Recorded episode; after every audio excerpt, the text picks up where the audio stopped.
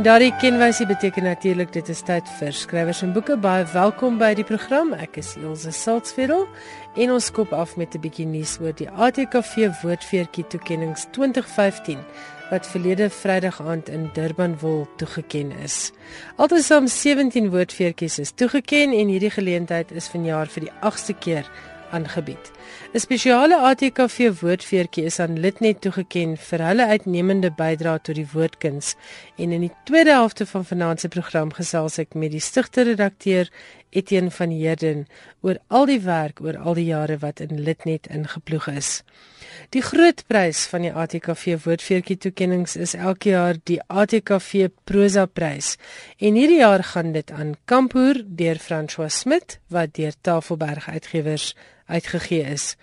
In die kategorie liefdesroman gaan die veertjie vanjaar aan Janet Paul vir haar liefdesroman Ewebeeld wat uitgegee word deur Lapa Uitgewers. Die prys vir poësie word toegekend aan Medewete, Auntie Krog se digbundel wat deur Iman en Resou uitgegee is. En die prys vir romanses, die woordfeertjie vir romanses, is toegekend aan Ridder in 'n wit jas deur Amelia Strydom. Ek gesels later in die program met Amelia Strydom, ook bekend as Marie Louise Steyn, oor haar woordfeertjie toekenning. Die prys vir spanningslektuur is hierdie jaar toegekend aan 'n debuutskrywer. Martin Steyn kry dit vir sy boek Donkerspoor wat verlede jaar by Lapa Uitgewers verskyn het. Die woordwys toekenning vir woordeboeke en taalgidse gaan hierdie jaar aan 'n baie aangrypende projek, die Chuquan Tsumkwe dialect, 'n prentewoordeboek vir kinders wat uitgegee is deur die University of KwaZulu-Natal Press. En in volgende week se skrywers en boeke kan jy meer hoor oor hierdie projek. Professor Francie Greiling is die brein agter die bekende Storiewerf webwerf en sy is vanjaar bekroon met 'n spesiale toekenning vir leesbevordering in Afrikaans vir Storiewerf wat hierdie jaar sy 15de verjaarsdag vier. En dan 'n baie spesiale kategorie want die klein en die jong lesertjies self wys hulle gunsteling boeke aan. In die voorleeskategorie van die jaarlikse ATKV kinderboektoekennings vir 2015 gaan die prys vir die graad RR tot graad 1 boekie aan Marita van der Vyver se boek Die coolste ouma op aarde en die illustreerder Zenelda McDonald is ook bekroon vir haar pragtige illustrasies. Die boek is uitgegee deur Lapa Uitgewers. In die selfleeskategorie vir graad 2 tot 3 is dit Plons deur Fanny Viljoen met illustrasies deur Arnel Woker wat wegloop met die ATKV woordfeertjie. Dit is 'n Lapa Uitgewersboek in die kategorie vir graad 4 tot 5 selflesertjies is dit Elisabeth van der Kolf se Nina en die Funky eksperiment uitgegee deur Tafelberg Uitgewers wat bekroon word. Chris Venter, die illustreerder van dieselfde boek Nina en die Funky Eksperiment, is ook bekroon vir sy illustrasies. In die selfleeskategorie vir graad 6 en 7 is die wenner Jaco Jacobs, hierdie keer onder sy skuilnaam Tanya Brink, vir sy boek Wian verwy het 'n crush op my uitgegee deur Lapa Uitgewers en as ek reg geluister het Vrydag aand is dit Jaco Jacobs se 20ste kinderboektoekenning of woordfeertjie.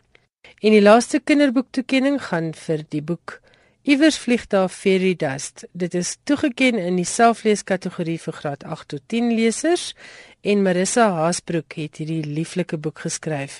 Dit is uitgegee deur Lapa Uitgewers. Baie geluk ook aan al die wenners van skrywers en boeke se kant af en baie dankie dat julle ons vermaak en dat julle terselfdertyd so baie doen om Afrikaans uit te bou. Ek gesels nou met Japie Gous, die besturende direkteur van die ATKV groep, oor hoekom dit vir die ATKV belangrik is om Afrikaanse boeke te bekroon. Ons is al 'n hele paar jaar besig met die veertjies. In die uh, ou tyd was dit die media en die boeke saam. En toe het ons op 'n stadium besluit so klompie jare gelede dat ons die die boeke apart wil hou. So ons het nou 'n media veertjies en dan 'n woord veertjies. So vanaand is dan nou die woord veertjies en dit gaan inderdaad oor woordkuns en ons vereer vanaand goeie bydraes die afgelope jaar uh en ook natuurlik ons groot pryse vir digters en vir prosa en so aan maar dit is vir ons belangrik omdat ons glo dat die die woordkuns 'n so pertinente deel van 'n taal En Afrikaans het eintlik 'n baie goeie posisie oor jare al opgebou. En uh, met al die druk wat daar is op op tale en op die gebruik van inheemse tale veral, uh, voel ons net dat ons moenie toelaat dat die gehalte van Afrikaanse woordkuns eintlik agteruit gaan nie. En dis hoekom ons dit doen. Ons wil mense aanmoedig om Afrikaans te gebruik om te skryf, om te skep, om met kreatiewe werk vorendag te kom uh in Afrikaans. Oor Afrikaans voel ons nou nogal natuurlik is daar druk daar op Afrikaans, maar ons voel dat Afrikaans in so goeie posisie is en ek gebruik maar baie keer die statistiek dat uh, daar's omtrent 7 miljoen huistaalsprekers van Afrikaans in Suid-Afrika, maar daar's amper dubbel soveel mense wat Afrikaans as addisionele taal elke dag van hulle lewens gebruik. So ons praat eintlik van 20 miljoen mense in Suid-Afrika wat elke liewe dag Afrikaans by die huis, by die werk of by die skool praat. So Afrikaans is na my mening nie 'n klein taaltjie nie, dit is 'n belangrike en wesenlike taal in Suid-Afrika. En daarom glo die ATKV dat ons moet voortgaan om Afrikaans te gebruik, nie net om Afrikaans in stand te hou of om uh amper half as taalbulle op te tree nie, maar eerder om Afrikaans te gebruik ten opsigte van ehm uh, dat mense mekaar beter verstaan want daar's 'n klomp mense wat mekaar verstaan as ons Afrikaans met mekaar praat. En ons het dit so bitter nodig om om nasiebou te bevorder en sosiale kohesie. Uh en taal is een van die maniere hoe jy dit kan doen. Uh en ons glo Afrikaans is in 'n goeie posisie om om wel daardie rol te kan speel. Ons dink wel dat Afrikaanse mense behoort eintlik nog 'n derde taal ook aan te leer, 'n inheemse taal. So ons glo aan meertaligheid, uh, want daar gaan ons regtig vorder om dat die mense mekaar beter verstaan. Hoe lyk die Afrikaanse boekbedryf? Want julle het nou hier vanaand 'n klomp skrywers wat vereer gaan word. Vanwaar ek elke week skrywers en boeke aanbied en met die mense gesels en die boeke wat op my lesenaar beland, lyk dit vir my baie goed, maar hoe voel jy? Uh, kom ons sê so uitgewers, uh, uitgewerrye die hele wêreld oor uh, ervaar baie druk dit gaan oor die die nuwe media wat daar is wat baie keer gebruik word as 'n verskoning hoekom daar nie meer so baie boeke is en hoekom daar nie meer wil ek amper sê fisiese boeke gemaak word nie. Miskien is dit 'n deel van die waarheid, maar dit is nie die die enigste deel nie. Die nuwe wêreld het eintlik gemaak dat mense minder lees. Ek onthou toe ek 'n kind was hoe ons met 'n boeke omgegaan het. Boeke was vir ons absolute kosbare besitting terwyl vandag se kinders baie van hulle het nie meer blootstelling aan aan boeke noodwendig nie. Ek het nou reg die statistiek gehoor dat net 1% van mense in Suid-Afrika koop boeke. Dis net so oor die 500 000 van die 50 miljoen mense en nog net 14% lees boeke. So daar's so groot mark nog vir mense om te lees en om om om boeke te koop dat ehm um, uitgewerye daar is potensiaal, maar ek dink uitgewerye moet baie slim te werk gaan uh eerstens om die regte boeke te maak wat mense sal lees, maar tweedens ook om dit te bemark en dit is wat die ATKV doen. Ons bemark die die voordele van lees en die voordele van boeke. Probeer ons bemark by skole, by uh ouer mense, waar ons ook al gaan. In die Afrikaanse boekbedryf spesifiek, dink jy dis gesond? Daar's baie boeke. Ja, dit gaan moeilik wees om te sê dis gesond want dit, jy het al hierdie uitdagings, maar ek dink dit gaan nie te sleg met Afrikaanse boeke nie. Uh, ek dink Afrikaanse lesers is is ek wil amper sê meer lojaal as Engelse lesers. En wat van die uh die boekwinkels en so aan vir my sê, hulle sê dat as Afrikaanse mense in die boekwinkel inkom, hulle kyk na die Afrikaanse boeke, maar hulle koop waarskynlik 'n Engelse boek ook. So uh Afrikaanse lesers of mense wat uh, Afrikaanse boeke koop, is gesogte mense in uh in boekwinkels. Maar ons het 'n hele klomp uitdagings, maar ek dink nie ons moet nou in sak en as gaan sit nie. Ek dink daar's eh, meer as genoeg potensiaal wat ons nog kan ontgin. En ons moet maar begin by ons kinders en by die jonger mense.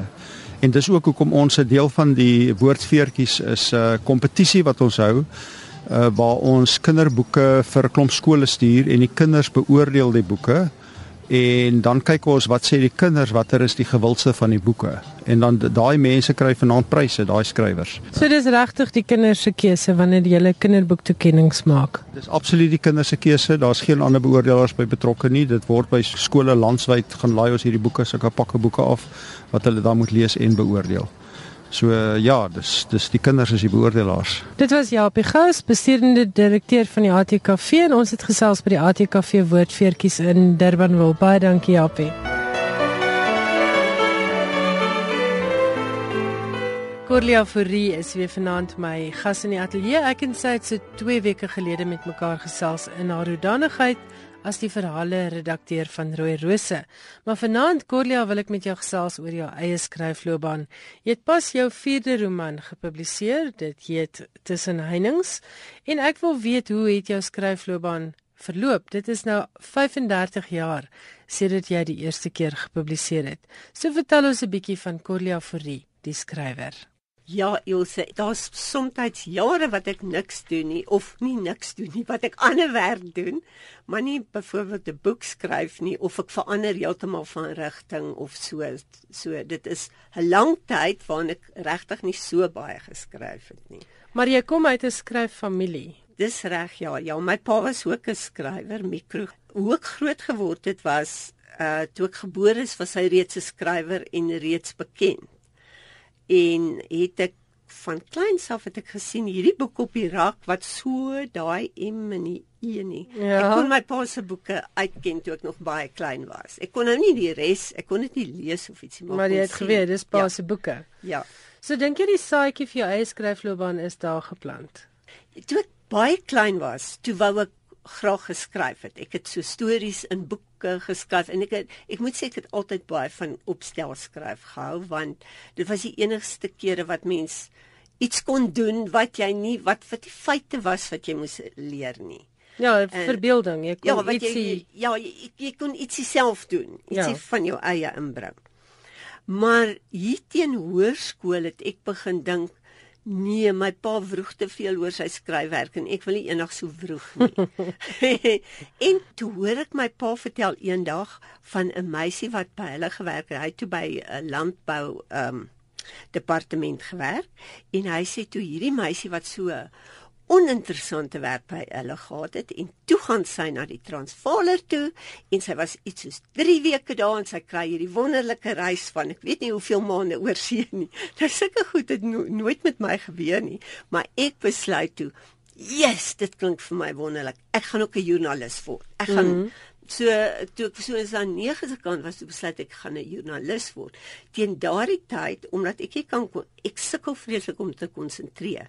So my punte het so jaar vir jaar geval, jy weet, so mm -hmm. besef ek o, Jessie, ek sal iets moet doen as ek wil universiteit toe gaan. So ek vinnig weggespring om te leer, maar ek het meestal net voor na my boeke sit en kyk want jy weet jy ken jouself nie as jy baie jonk is nie. So ja. nie geweet dat konsentrasie is 'n probleem vir my nie. Ek het net ja daar was nie iets soos aandag afleibaarheid nee, en so. dit was getoets. daar maar daar was nie 'n diagnose nie. Nee hulle het jou nie getoets of iets nie. So toe ek maar net my bes gedoen om punte te kry om universiteit toe te gaan maar wat ek toe wel gekry het ja. En toe um, gaan swat jy journalistiek? Nee daai tyd dit is nou wys jou net hoe lank is toe het journalistiek begin ek dink by Potch. Ja. Potchefstroom, maar dit was nog nie by Stellenbosch nie. Ek het 'n BA ge, ge, net 'n gewone BA. Met tale of met ja, tale en geskiedenis en sielkunde. Goed, goed. En word jy toe joernalis? Ja. Toe begin ek by die burger te werk en dit was baie lekker. Ons was so 'n groot klomp jonges wat daar begin werk het. Want wat toe hier beeld was was Sondagkoerant. Dit was ja. voorrapport en hulle het baie van die senior joernaliste by die burger weggevat om daar te werk. So ons so 'n klomp jonges wat daar begin werk. Hoe lank is jy toe nou joernalis voordat jy besef jy wil tog 'n bietjie vroeg oor 'n boek? Ek was toe 'n joernalis vir lank toe my kinders gebore is, het ek as 'n vryskut joernalis begin werk. Maar toe gaan ek en my man, my ex gaan toe Londen toe. Ek kry toe 'n werk daar. En toe stuur ek nog vir hulle artikels en goed vir beeld en ek sien dit net nooit. Dan kry ek 'n cheque van Suid-Afrika of dan sê ek Maar ek het nooit hierdie ek het baie keer gaan ek in dan kyk ek hierdie koerante maar ek het nooit die goed raak gesien nie mm, en toe mm. een of ander tyd te begin ek te dink maar ek miskien moet ek iets doen wat jy weet wat ek sou kan sien wat 'n boek ja, is ja nie? iets tasbaar iets tasbaar nie iets wat ek nie eens weet het verskyn ja. nie en waarvoor ek net 'n cheque gekry het nie en toe dink ek nou wat sal ek skryf nou ek het baie dramas gesien in Londen Maar ek het ook by Babs Lyker klas geloop. Die bekende Babs ja, in haar drama akademie. Ja, ja, ja, daar klas geloop. En toe dink ek, miskien wil ek 'n toneelstuk skryf. Ek dink ook dat ek teen daai tyd ek is so dink ek is taamlik eentalig dat ek so baie Engels moes praat in daai stadium dat Afrikaans wat ek toe nog kon doen is dialoog. Ja. ja. En toe gaan sit ek en toe verlang verskriklik baie na Suid-Afrika en ek gaan sit toe in die Kensington biblioteek en lees op want ek het daar radio gehad in die toneelstuk kantoor die 76 onluste. Mhm. Dink dit was 76 was toe, nee? Of was dit Die Soweto on ja, dit 76 ja. ja. En toe uit die Engelse koerante stel ek toe vir my radio berigte saam en so het ek toe die boek geskryf. Maar toe ek die, dra was, die drama, die drama, ja. die drama. Dis nou moeders en dogters. Ja.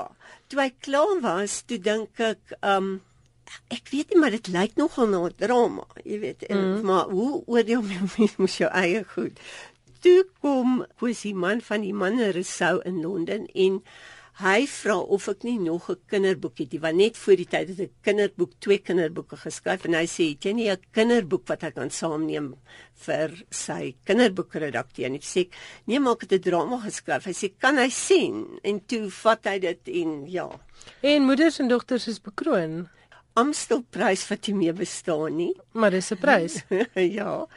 En dit is opgevoer vir die verhoog, maar maar in die Kaap nie hierso nie. Ja. En studente het dit gedoen en het die radio dit gedoen en die TV het ook uh, daarvan gemaak. En toe by die Gogga, die skryf Gogga toe nou amptelik.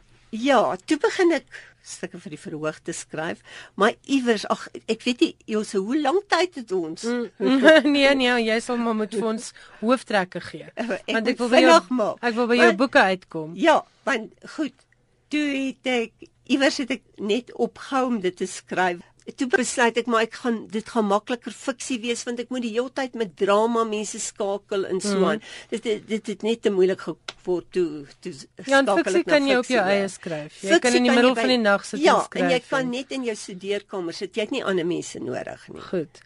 En jy het intussen 'n paar kinderboeke geskryf en hierdie is tussen heininge is dan nou jou vierde roman. Ja. Jou vorige roman was Die geheime kamer wat 'n redelike spannende spanningsroman was. Ja. Dit is as ek reg onthou van 'n vrou wat ontvoer is en in hierdie spierwit kamer aangehou is deur hierdie versteurde. Nou is tussen heininge op die rakke en tussen heininge speel af in wêrelde wat jy goed ken.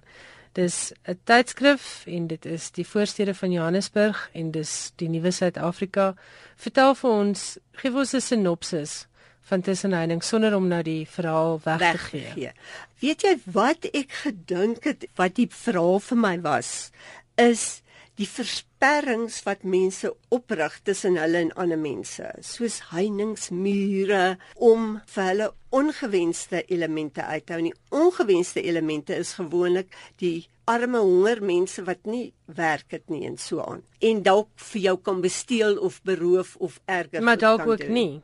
Maar dalk ook nie. Ja. Beslis ja. ook nie. Maar buiten hierdie versperrings, die karakters lewe ook moet hulle amper beskerm hulle self teen ander mense. Ja, hulle emosionele heininge. Emosionele heininge. Hmm. Ehm um, so ek het eintlik met die idee van boelies gewerk. As die misdadigers is 'n boelie, hmm. jy kry boelies by die werk, jy kry boelies by die skool en so jy kry boelies oral so hmm. en jy het dit baie goed opgesom dis voorstedelike Johannesburg en ek het meer as een karakter ingebring om dit uit meer as een oogpunt te Ja, daar's 'n hele paar hoofkarakters. Ja, daar is En dan staan nog neuwe karakters. Ja, daar's eene wat ek Elisa bestempel as die hoof hoofkarakter, maar eintlik is daar 'n hele paar belangrike karakters in die boek. Ja.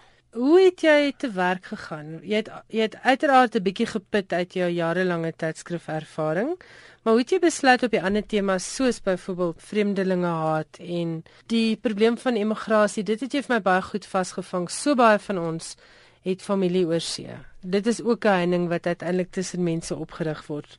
Jy kan nooit aan hom raak nie, jy kan hom op Skype sien en jy kan sy stem hoor, maar miskien sien jy nooit weer jou kind wat oorsee gaan nie. Ja, en ek dink dit is baie hartseer want dit het gebeur met baie mense.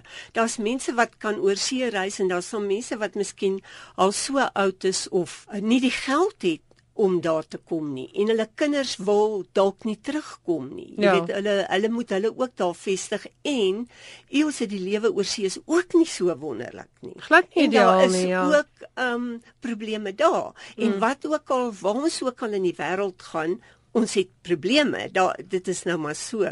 D dis half of die storie het uit hoe ons bly in Johannesburg en goed wat gebeur en goed wat in jou verbeelding gebeur soos wat jy die mense leer ken. So ek neem baie lank om 'n storie. Ek het eers na die geheime kamer. Het so baie mense vir my gesê, "Maar jy kan daai arme meisie nie daar los nie. Jy moet 'n vervolg skryf." Toe het ek begin met 'n vervolg vir die geheime kamer.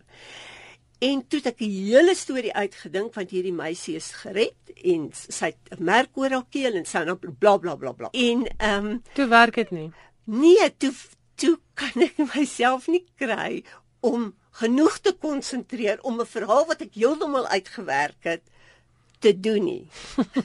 Dis vervelig. Toe maak ek die lewe vir myself baie moeiliker deur verskillende karakters te vat. Dit is makliker want is Johannesburg en soos jy sê, ek ken weet hoe dit skryfwerk en so aan, maar moeiliker omdat ek weet dat een van die hoofkarakters Welcome wat is uh, Zimbabwe is, hy het klaar iets vreesliks gedoen as die boek begin. Hmm. En ek gedink op een of ander stadium gaan hierdie vreeslikheid hom inhaal. Maar ek het nie dit so uitgewerk soos die vorige ding wat so dis so moeiliker die boek 'n bietjie sy natuurlike loop laat neem. Ja, ek laat hom sy natuurlike loop neem en wanneer dit vir my reg begin voel is as ek begin droom of ek word in die oggend wakker. Nee, nee, nee, dit moet gebeur. Of skielik verskyn 'n karakter. Jy weet, dan dink ek welcome gaan start to in gift the store. So, ja, ja. Jy weet iets gebeur net. So jy weet jou onderbewussyn werk ook nou saam aan hierdie storie. En jy het 'n hele spektrum van karakters, van die 15-jarige tieners in die boek tot, tot Tom die bejaarde buurman. Ja en middeljarige vroue en ja, jonger vroue. Dit was vir my baie baie lekker boek gewees om te lees, juis omdat jy so oor die hele spektrum praat. En dit is 'n ernstige boek, maar dis ook 'n ligte boek. Dit is nie 'n literêre werk wat glad nie toeganklik is vir die publiek nie, maar dis ook nie, hoe kan ek sê, spookasem nie. Dis vir my iets tussenin. Dankie, dit is wat ek probeer doen. Ek is nie gemaklik om 'n soort van fluff te skryf nie. Ja. Hoe werk die skryfproses vir jou? Want jy sê nou jy konsentreer moeilik. So hoe werk jy van dag tot dag aan 'n roman? Ek werk nie van dag tot dag aan 'n roman nie. Ek dink van dag tot dag. Ja. So ek dink hierdie karakter is so, dan dink ek die karakter en die karakter woon daar en so ek dink vir ek moet verskriklik baie dink. En dan as ek begin skryf, kan ek nog weggooi wat ek geskryf het want die dis nie belangrik genoeg nie want ek moet konsentreer, dan moet ek weer terug konsentreer. So ek moet skryf en ek moet herskryf en en is eintlik so baie moeite vir my teen die tyd wat ek 3 kwart kom in die, in 'n boek soos die weet ek hy moet gepubliseer word so. Ek het so baie tyd aan hom afgestaan ek het so baie gedink miskien lyk dit vir ander mense maklik maar vir my was dit baie moeilik en ek het baie hard gewerk so dan begin ek amper soos in 'n naweek begin ek die Saterdagoggend vroeg en ek hou aan met werk en ek hou aan met werk en ek hou aan met werk. Ek werk tot in die nag en ek gaan slaap en as ek die volgende oggend opstaan, jy weet ek ek voel of ek 'n Saterdag amper wil ek 24 uur lank werk hmm. aan hierdie storie. Maar dis eers op die laaste stadium. Dis eers op die laaste stadium so ek sien hierdie is definitief 'n boek. Maak jy nou notas? Jy sê jy dink nou van dag tot dag. Sal jy nou byvoorbeeld 'n notaboekie in jou handsak hê? Nie en, in my handsak nie, maak dit 'n boek daar en ek skryf neer die belangrike goed van elke karakter wat ek moet onthou. Mm, jy weet. Mm. En uh van omdat ek 'n hele klomp karakters is dit moeilik om alles te onthou, ja. so ek skryf dit goed neer. As maak aantekeninge. Vir wie sou jy sê is tussen heininge watter nismark? Of dink jy dis vir almal? Ek dink dis vir almal. Ek hoop is vir almal. Ek hoop dis wat iemand in die storie, ek dink is Michelle, die 15-jarige, 14, 15-jarige het iewers gesê, uh hulle het Life of Pi gaan sien, maar dit het niks te doen met my Nee, dis maar net 'n gebeurtenis in die storie. Dis 'n gebeurtenis in die storie, maar wat ek voel wel met my storie is, al gaan dinge nie goed nie, is daar altyd 'n cool storie. Mm. En elke ou interpreteer die storie op sy eie ja, manier. Ja, en elke ou mm. interpreteer want ook mense, weet jy, dit is baie interessant. Een mens sien daai ou man en sies tog, jy weet mm. as ek kan ander mense sien iets totaal anders mm. in die storie. Dis vir my baie lekker, jy weet, as mense so praat daaroor. Want een iets het hulle, jy weet. Ja, ek dink elkeen van hierdie karakters gaan tot verskillende mense op verskillende maniere spreek. Omdat ek die tydskrifbedryf ken, ek ek het goed herken daarbinne vir mense wat glad nie gewoond is aan die tydskrifbedryf nie, kan dit nou seker 'n redelike eye-opener wees. En dan is daar die gewone voorstedelike lewe, die geboorte en die dood en die emigreer en die vrees vir die buitemense, die vrees vir die inkomers in die land en in jou ja, woonbuurt. Ja. So daar's verskeie dinge wat ek dink by lesers aanklank sal vind. Werk jy nou aan iets of gaan jy nou eers 'n paar jaar rus? Eh, ek het begin werk aan iets en nou gebeur so baie goed soos met die boek of met mens moet dit en dit doen. Jy weet dat ek ook nie aangegaan het nie. Nou dat jy dit vra, ek kan nou nie onthou waaroor was die boek waarmee ek begin het nie. So. maar hopelik het jy 'n notaatjie of iets ja, op jou rekenaar. Ja, ek dink ek het iets op my rekenaar. Corlia, dit was baie lekker om met jou te praat. Baie geluk met Tussenheinings. En wanneer die volgende boek verskyn, dan praat ons weer. Baie dankie Ilse en totsiens aan die luisteraars ook. Dit was die stem van Corlia Fourie. Haar jongste roman Tussenheinings het onlangs by Tafelberg verskyn en kos R260. En soos ek vroeër genoem het, was ek Vrydag aand by die baie glansryke ATKV woordfeertjie toekenninge in Durbanville. Hier is nog twee gesprekke wat ek tydens die geleentheid opgeneem het. In die eerste gesprek praat ek met Marie Louise Stein wat onder haar skryfnaam Amelia Strydom die ATKV woordfeertjie vir romanses verower het. En net daarna gesels ek met Etienne van Heerden, skrywer en natuurlik ook stigter redakteur van Litnet wat Vrydag aand bekroon is met 'n uitnemende bydrae tot die Afrikaanse woordkuns want Litnet is hierdie jaar 15 jaar oud en amptelik die oudste Afrikaanse virtuele gemeenskap. Lekker luister. Ek is by die ATKV woordfeertjies. Ek praat met die wenner van die ATKV prys vir romanses, Amelia Strydom, ook bekend as Marie Louise Stein. Baie geluk met jou romanse. Hoe lank skryf jy hierdie genre? Baie dankie. Ehm um, ek skryf van ek dink 2010, 2011 af. En was die wen van vanaand se veertjie vir jou verrassing?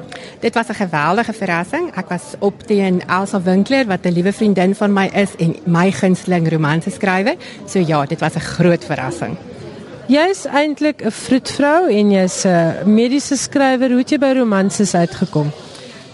Ek is nie vroedvrou nie, ek is 'n doula wat iemand is wat um, nie die mediese die mediese deel doen nie, maar wel die emosionele ondersteuning. En ek het begin met mediese romanses dink ek omdat ek graag daardie wêreld aan ander mense wou bekendstel en um, omdat die romanses 'n positiewe ja, heerlike deel van die lewe is. Is daar 'n formule want dit is nie elkeen wat wat eers 'n romanse kan skryf nie en hier skryf jy 'n wenromanse. Ek wens al was 'n formule, nee daar is nie. Daar is nie. Dit is um elke keer moet jy 'n nuwe storie vertel aan lesers wat presies weet wat gaan gebeur, want hulle weet dat die held en die heldin aan die einde bymekaar gaan uitkom en 'n gelukkige einde gaan hê. So dit is 'n geweldige uitdaging om met 'n vars storie na vore te kom en tog ook diep genoeg in jouself te delf om vir die leser autentieke emosie te wys. Dit was die stem van Marie Louise Stein wat onder haar skrywersnaam Amelia Strydom die ATKV woordfeertjie gewen het vir haar romanse Ridder in 'n wit jas. Baie geluk ook van skrywers en boeke se kant. Ek gesels met Etienne van Heerden, natuurlik skrywer, bekroonde skrywer en stigter van Litnet. Jy het vanaand die ATKV woordfeertjie gewen vir uitnemende bydra tot die Afrikaanse woordkuns en dit was vir Litnet wat jy 15 jaar gelede begin het. Ja, regtig in die bronstydperk van die internet het ek Litnet begin en dit het so gou ontwikkel 'n koalisie van gewilliges nou nog tot vandag toe. So ek het dit ontvang met groot dankbaarheid namens elke mens wat op Litnet bygedra het deur die jare want dit is wat Litnet is, dis 'n leedop en hy word gevul deur die bydraers, die medewerkers en en ons gemeenskapslede. Waar die idee vir Litnet ontstaan? Want soos jy nou sê dit was ongeveer 19 wag 2000 1999 en hier bedink jy 'n Afrikaanse boonop 'n literêre webwerf waar die saadjie vandaan gekom Ja, kyk, dit was net 'n opwindende idee, jy weet die internet wat besig was om te ontstaan. Ek het gedag ek neem gewoon wat mens op papier sou doen, 'n tydskrif, neem ek net, jy weet, digitaal uit. Maar gou het mense begin reageer en toe besef ek hierdie wonderlike ding wat ons in daardie tyd genoem het interaktiwiteit, nê, nee, wat nou deur Facebook en al die sosiale media so uitgebou is. En dit was toe 'n wonderlike ding toe ek besef maar hierdie is nie net 'n tydskrif elektronies nie, dit word 'n gemeenskap. En ehm um, dit is vir my nog steeds elke dag, jy weet, daar's soveel uitdagings en net om die ding finansiëel en te bestuur en so aan is ook 'n uitdaging en dan om by te hou by die debat want ons is in 'n geweldige inspannende tyd in Suid-Afrika, baie interessante tyd. En die bydraes van Afrikaanssprekendes is altyd dinamies, altyd interessant. Ja, want dis dit het dalk begin as 'n literêre netwerk, maar dit is dis lankal ver verby dit. Vertel net bietjie vir luisteraars wat dalk nie van Litnet weet nie presies wat doen julle daar? Kyk, die hart van Litnet het nou geword uh, Litnet Akademies wat geakkrediteerde navorsing in Afrikaans geskryf publiseer van godsdienstwetenskappe na regte, opvoedkunde, geesteswetenskappe en natuurwetenskappe om so by te dra tot die ontwikkeling van Afrikaans as navorsings- en akademiese taal. So daar het ons nou die hart van Litnet. Rondom dit is daar 'n meningsgemeenskap wat hulle uitspreek oor aktuelle kwessies. Daar is die ehm die boeke afdeling waar ons resensies plaas, onderhoude met skrywers, musiek is groot op Litnet, onderhoude met musikante en so meer en allerlei ander aspekte. So ons kyk na van film na teater na na enige skryfwerk in Afrikaans, enige gedagtes in Afrikaans. Eintlik het dit op die ou end van literêre werf ontwikkel na 'n meningsgemeenskap. So my houding oor Litnet is dit is 'n meningsjoernaal. Wonderlike woord meningsgemeenskap. Etienne van Heerden, baie geluk aan jou en die hele Litnet span met die toeken van julle ATKV woordfeertjie vanaand en baie dankie vir jou bydrae tot Afrikaans. Baie dankie. Dit was die stem van Etienne van Heerden, bekroonde skrywer maar natuurlik ook stigter-redakteur van Litnet wat ons die afgelope 15 jaar op ons tone gehou het. Aan Etienne en die Litnet span baie geluk met julle ATKV woordfeertjie uit en uit verdien vir julle uitnemende bydrae tot die woordkuns. Baie geluk.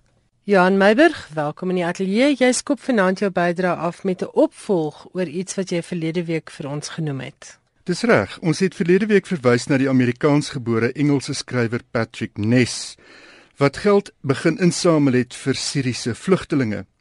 Binne 1 week het hy sowat 13,5 miljoen rand vir die doel Save the Children bymekaar gekry. Ness is die skrywer van A Monster Calls en die Chaos Walking trilogie. Sy jongste roman The Rest of Us Just Live Here het verlede maand verskyn. Nes het op 3 September met die veldtog begin omdat soos hy dit getweet het, moeg is vir die hooploosheid van slegs praat oor die vlugteling kwessie. Sy steun tot dusver het gekom van skrywers, uitgewers en die publiek. Skrywers wat hand diep in die sak gesteek het, dis nou benewens Nes self, is onder andere Philip Pullman, Suzanne Collins, Paula Hawkins, Cressida Cowell, Anthony Horowitz, Jojo Moyes, Francesca Simon, David Nichols en Jesse Burton. Britse uitgewers soos Egmont Press, Penguin Random House en Hachette het eweneens ruim bygedra. Ja, en ek dink dit is so 'n hartverskeurende saak. Die foto van daardie baba seentjie op die strand wat verdrink het sal vir ewig in my geheue geets bly.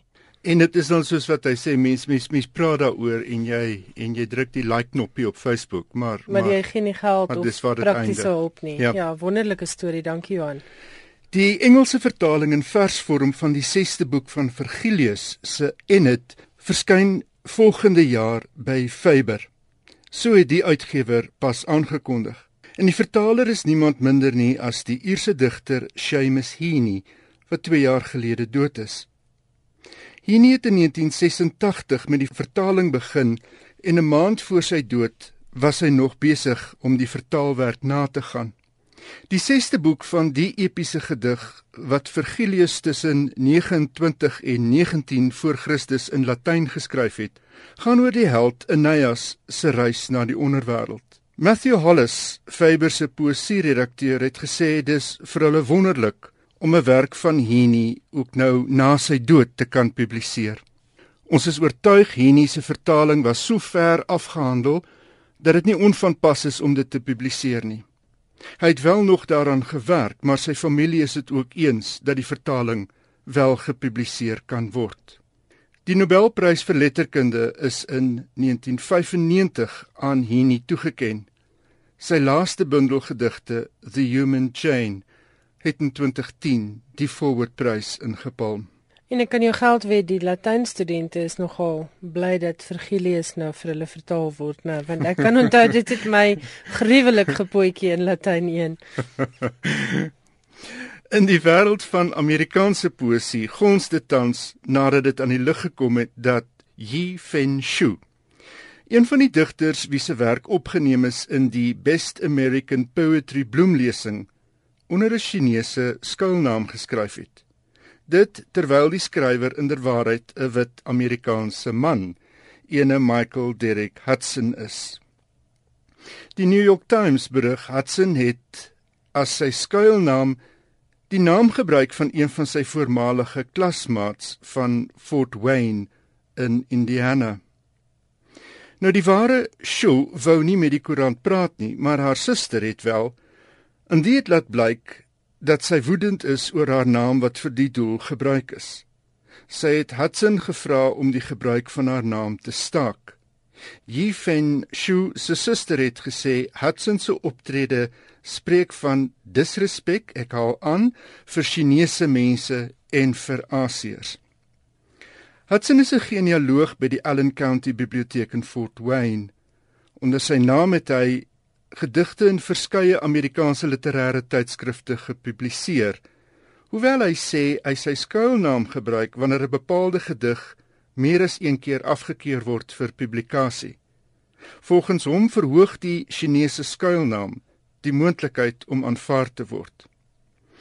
Nou dis die erkenning wat 'n vloed kritiek en kommentaar op sosiale media ontketen het. Dit het gewissel van pure afkeur tot ironie tot frustrasie. Sherman Alexie, die samesteller van die bloemlesing, het in reaksie op die debakel gesê hy die betrokke gedig ingesluit sonder dat hy bewus was wie Yi Fen Shu is. Hoewel hy gekant is teen die gebruik van die skuilnaam, het hy in 'n blok geskryf en ek haal aan: "Nepotisme is so algemeen so suurstof." En hy het bygevoeg hy gaan nie die gedig uit die bloemlesing verwyder nie. Dis nogal vir my interessante een daai. Ek wonder net hoekom het hy 'n skuilnaam gevat van iemand wat hy ken. Hoekom nou nie maar net iets uit die lug gryp nie? Dit weet ek nie. Dink dis 'n klein bietjie dom gewees. En dan nog 'n brokkie Amerikaanse nuus. Nou dit is Simon Sharma.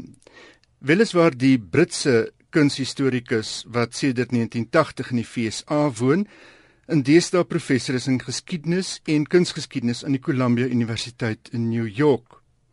Die het pas en dit is soos in vandag 'n nuwe boek op die rak in Brittanje. Die verskyning van die boek, The Face of Britain, loop saam met 'n uitstalling in Londen se National Portrait Gallery in 'n TV-reeks op die BBC. Die reeks begin in November. Sharma is die skrywer van onder meer die twee boeke Landscape and Memory van 1995, 'n wonderlike boek oor hoe 'n mens landskap lees en Simon Sharma's Power of Art van 2006, boeke wat albei in BBC-programme omgesit is. In The Face of Britain ondersoek Sharma benewens die vermoë wat 'n portret het om die sitter se wese te probeer vasvang, die vermoë wat 'n land se portretkuns het om iets van die land se wese vas te vang. Sy voorbeelde sluit portrette in wat dateer van die tyd voor Henry die 8ste tot by Winston Churchill tot by John Lennon en Amy Winehouse. Die boek skryf hy juis in 'n tyd waarin die betekenis van 'n portret, wat hy noem 'n transaksie tussen die sitter, die kunstenaar en die kyker, vir baie mense verlore geraak het. En hy verwys spesifiek na die mense vir wie en ek haal aan vinnige domheid van die oomblik alles is. Anders gestel, die narcistiese selfie. Shama poor die Britte om minder selfies te neem en vir 'n slag na die mense rondom hulle te begin kyk. Sy hoop, sê hy, is op 'n gemeenskap wat mekaar in die oog kan kyk en mekaar werklik kan aankyk. 'n Gemeenskap waarin like meer om die lyf het as die Facebook betekenis. Sondag het die Britse Financial Times 'n uittreksel uit Shama se nuwe boek, boek gepubliseer. Uit die 2000 of wat woorde blyk Shama se vertroudheid met sy onderwerp en sy onderhoudende skryfstyl duidelik. Soos iemand tevore oor sy skryfstyl opgemerk het, dis propvol detail. Ryk vrugtekoeke met rosyne, korente, neute, verglanste kersies en 'n brandewynsaus. Simon Sharma se The Face of Britain word uitgegee deur Viking. Baie interessant. Ek het se 2 weke gelede net vinnig 'n berig raak gelees wat sê daar's 'n definitiewe verband tussen narcissisme en selfies. En hoe meer selfies jy neem, hoe meer waarskynlik is jy 'n narcissus. Lees Simon Sharma, ek dink alles is daar. Dankie Johan, 'n lekker hitspot soos altyd.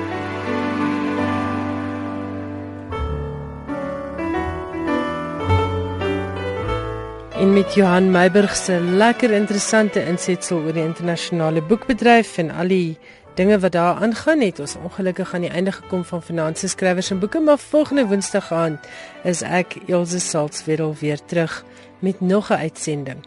Dan kan jy onder meer luister na insetsel oor 'n Afrikaans, Engels en Boesman woordeboek wat vanjaar by die ATKV Woordfeertjies vereer is as die woordeboek projek van die jaar. Hoekom dit so aangrypend is, Ek dink dit lê in die feit dat hierdie woordeboek die taal van ongeveer 11000 Boesman sprekers wil bewaar. Dis 'n taal en 'n spesifieke Boesman dialek wat aan die uitsterf is en 'n hele gemeenskap het gehelp om met hulle eie sketse en woorde hierdie woordeboek saam te stel. Dit dan in volgende week se skrywers en boeke weer die gewone tyd Woensdag aand net na 8 hier op RSG. Onthou as jy finansiële skrywers en boeke of enige ander skrywers en boeke wil aflaai vir 'n potgooi, dis baie maklik, gaan eenvoudig na ons webwerf by rsg.co.za en volg die maklike stappe. Dis 'n lekker hulpmiddel vir boekklub besprekings of dalk selfs vir Afrikaans juffrouens wat letterkunde vir kinders probeer verduidelik. Ek groet dan tot volgende Woensdag aand. Ek hoop jy het 'n heerlike week. Geniet al die wêreldbeker rugby en ons gesels weer volgende Woensdag aand 8uur hier op RSG in Skrywers en Boeke. Totsiens.